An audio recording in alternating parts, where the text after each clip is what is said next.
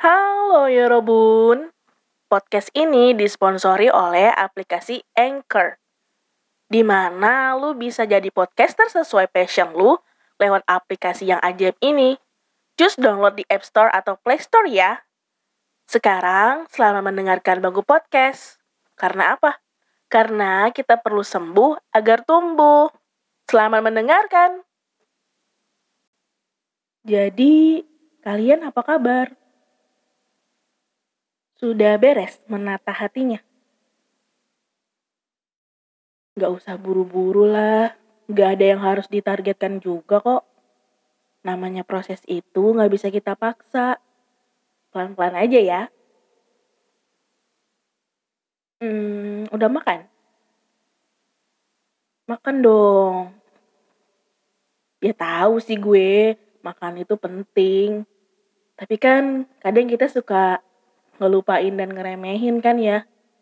Nanti kalau kalian gak makan, gak ada tenaga buat overthinking. Hayo, Siapa yang susah kalau kayak gitu? Jadi, makan ya. Mau itu sesuap atau bahkan sepiring, ya nggak apa-apa. Yang penting kan mulut kalian makan. Jadi ada tenaga untuk mengukir harapan. Di hari yang cukup menenangkan bagi yang merasa tenang ini, ada sebuah cerita yang masuk ke email Bangku Podcast sebuah cerita yang bakalan relate banget sama kehidupan gue pribadi atau mungkin sobat-sobat bangku podcast di luar sana. Hmm, gak usah lama-lama lagi, yuk kita baca. Halo mama onlineku, terima kasih sudah memilih untuk membaca email aku ini. Aku adalah perempuan yang dilahirkan sebagai anak kedua alias anak tengah dari tiga bersaudara. Aku punya satu kakak perempuan dan satu adik laki-laki. Sekarang hubunganku dengan orang tua sedang tidak baik-baik saja. Karena orang tuaku selalu membeda-bedakan kasih sayangnya. Aku selalu merasa kurang kasih sayang dan juga perhatian dari mereka. Tapi tidak seperti kakak dan juga adikku. Mereka mendapatkan kasih sayang yang melimpah dan juga banyak. Contohnya saja ketika adik ingin HP baru. Orang tuaku langsung membelikannya HP baru. Begitu juga kakak. Sedangkan aku, aku mendapatkan lungsuran dari tanteku atau bahkan ayahku. Ada nih di mana momen kami terbiasa sarapan dan ibu menggorengkan telur ceplok untuk adik dan juga kakak. Sedangkan aku enggak. Kata ibu, telurnya tinggal dua kamu makan nasi gorengnya aja ya. Padahal aku mau banget loh itu telurnya. Aku suka banget telur ceplok. Emang gak boleh ya kalau aku makan yang enak sedikit? Atau setidaknya menuku dengan menu saudaraku sama lah.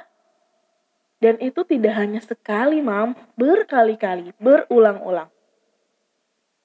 Ada juga di, di mana saat aku sakit, aku hanya bisa terbaring, diam, tapi nggak ada satu orang pun yang nanyain kabar aku yang nanyain kenapa aku diam kenapa aku baring aja. Nggak ada yang nanyain mam.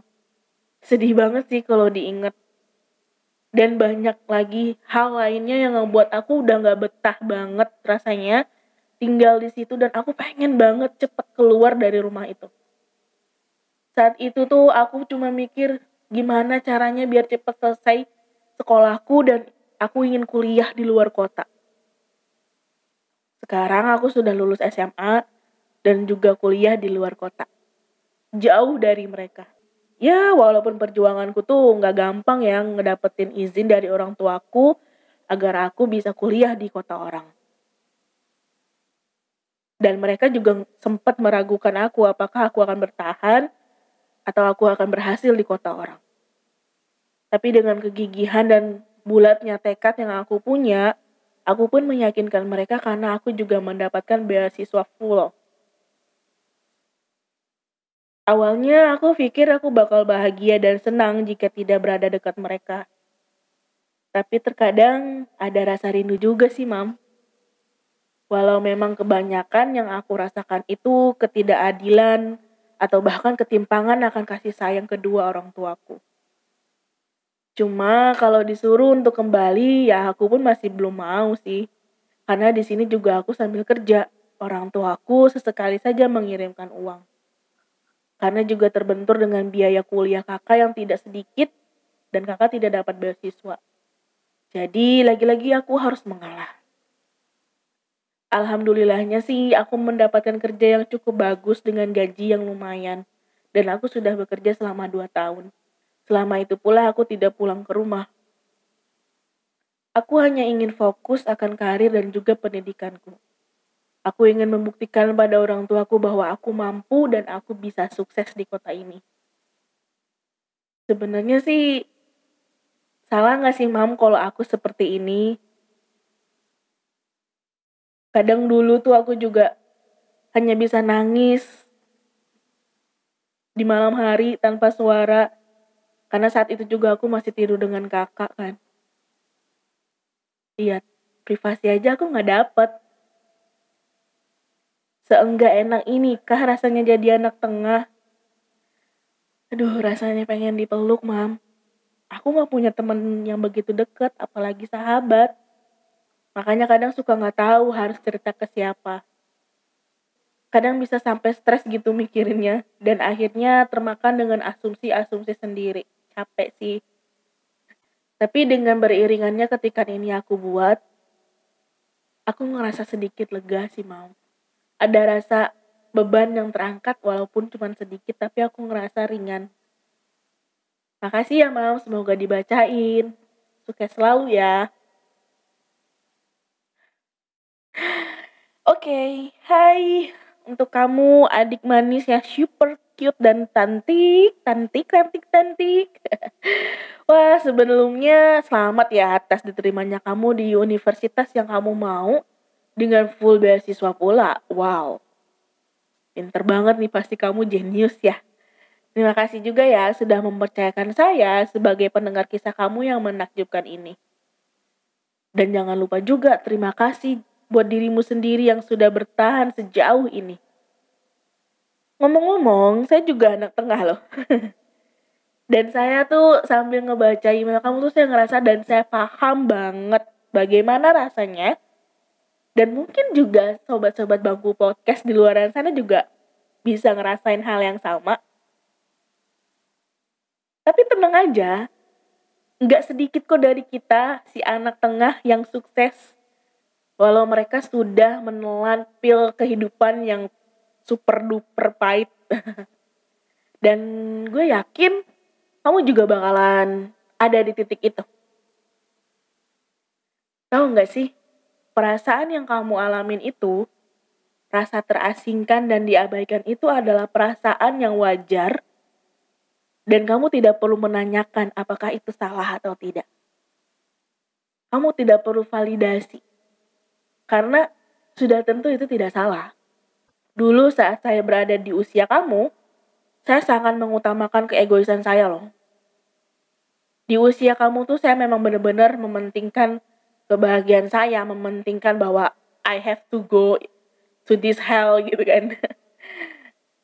saya tuh punya pikirannya wah ya udah gue harus cepet-cepet keluar dari neraka ini gitu kan pengennya pengennya tuh bawaannya bawaannya tuh pengen cepet-cepet lulus kuliah. Eh lulus kuliah. Lulus sekolah. Biar bisa kuliah jauh dari rumah. Terus kerja. Ya pokoknya gitulah sama seperti kamu perasaannya. Nah seiring sejalannya waktu selama 10 tahun saya melanglang buana 10 tahun itu juga sih hubungan saya dengan ibu saya tidak baik um, dikatakan tidak baik tidak juga ya. Kadang baik kadang enggak kadang akur tapi seringnya berantem gitu. Karena saat itu saya mengutamakan ego saya dan saya berpikir bahwa saya pengen loh mendapatkan hak saya yang selama ini nggak pernah saya dapat gitu loh.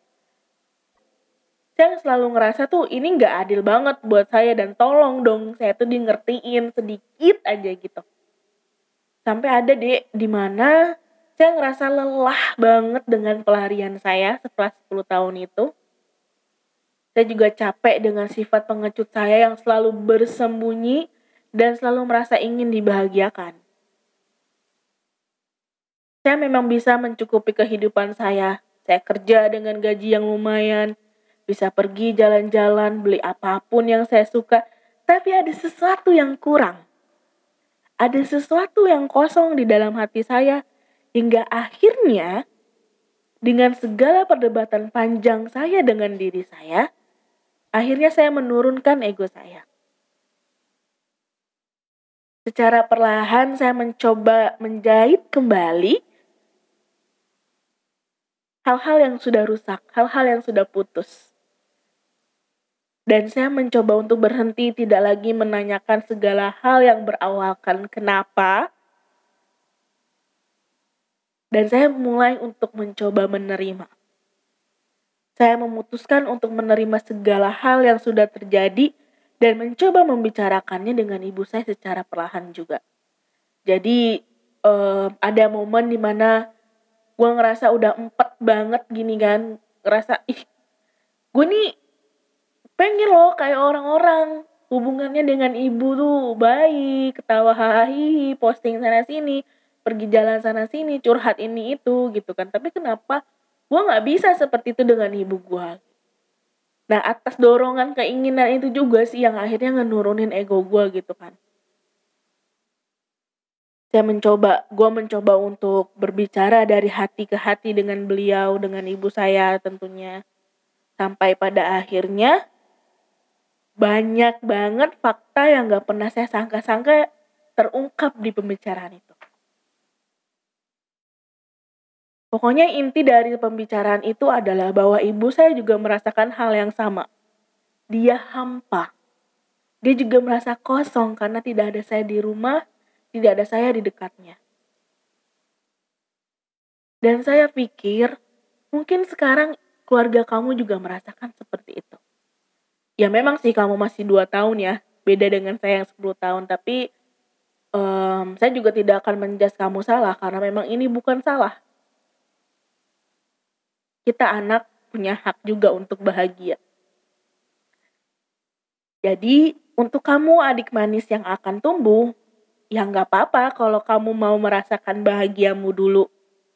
Kita emang perlu loh bahagia supaya bisa menyebarkan kebahagiaan pada sekitar kita jadi kalau kamu mau menularkan kebahagiaan kamu, kamu harus bahagia dulu. Itu yang paling penting. Dan dimulai dari diri kamu sendiri. Kalau kita nggak bahagia ya bawaannya juga pasti sedih terus kan. Dan itu bakalan juga ngefek ke, se ke sekitar kita. Gak apa-apa. Take your time. Sebanyak apa pun yang kamu mau ambil waktumu, pahami segala hal yang terjadi dalam hidupmu. Tapi kalau bisa, tetaplah berhubungan baik. Kalaupun dengan gak semua anggota keluargamu, ya setidaknya salah satu dari anggota keluarga kamu yang kamu nyamanin dan kamu percayain setidaknya tuh keluargamu tuh tahu bahwa kamu baik-baik aja, kamu sehat dan kamu bahagia tentunya. Suatu saat, suatu saat jika semesta mengizinkan, ketika kamu sudah merasa cukup dengan kebahagiaanmu sendiri, kamu bakal tahu dan sadar dengan sendirinya betapa pentingnya mereka dalam hidupmu. Kita anak tengah ini akan selalu merasa diperlakukan tidak adil Walau mungkin sebenarnya kenyataannya tuh enggak. Dari apa yang sudah saya tangkap ya, dari pengalaman yang sudah saya lewat, dari pengalaman yang sudah saya laluin, bahwa kenapa kita selalu ngerasa diabaikan dan diasingkan, terus saat sakit gak ada yang peduli, karena menurut orang tua kita, kita itu anak ajaib. Anak yang gak neko-neko, anak yang mandiri, kuat. Jadi apa pun yang kita hadapin, orang tua tuh taunya kita sanggup gitu. Orang tua tuh taunya kita mampu. Kita bisa berdiri sendiri, kita bisa kuat, kita bisa mandiri dibanding dengan kakak dan juga adik kita. Memang sih sebenarnya itu salah. Orang tua tuh selalu terlena akan ketangguhan si anak tengah gitu ya, sampai lupa kalau anak tengah juga punya perasaan, punya hati yang ingin dimengerti, punya kepala yang selalu ingin dielus, punya punya pengen yang apa? Pengen ditanya, "Kenapa? Terus kamu mau makan apa?" Tapi orang tua lupa, Dek. Nah, gimana caranya biar mereka nggak lupa? Iya, betul. Kita yang harus mengingatkan dengan cara yang baik dan pelan-pelan tentunya.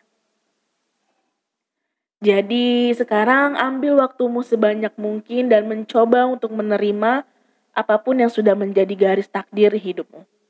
Percayalah, penerimaan yang kita lakukan akan membawa dampak yang jauh lebih besar dan dia akan membawa keajaiban yang gak pernah kita sangka dan gak akan pernah kita bayangin sebelumnya. So, enjoy your life. Start to accept whatever that shit done to you. And slowly, your true happiness will come to you with a magical way. Trust me. Gue percaya, dek. Gue percaya lu bisa. Gak apa-apa sekarang kamu nikmatin aja hidupmu ya. Sukses dengan kerjaanmu, lancar dengan kuliahmu. Bahagiakan dirimu. Sampai jumpa di titik selanjutnya. I love you. Bye.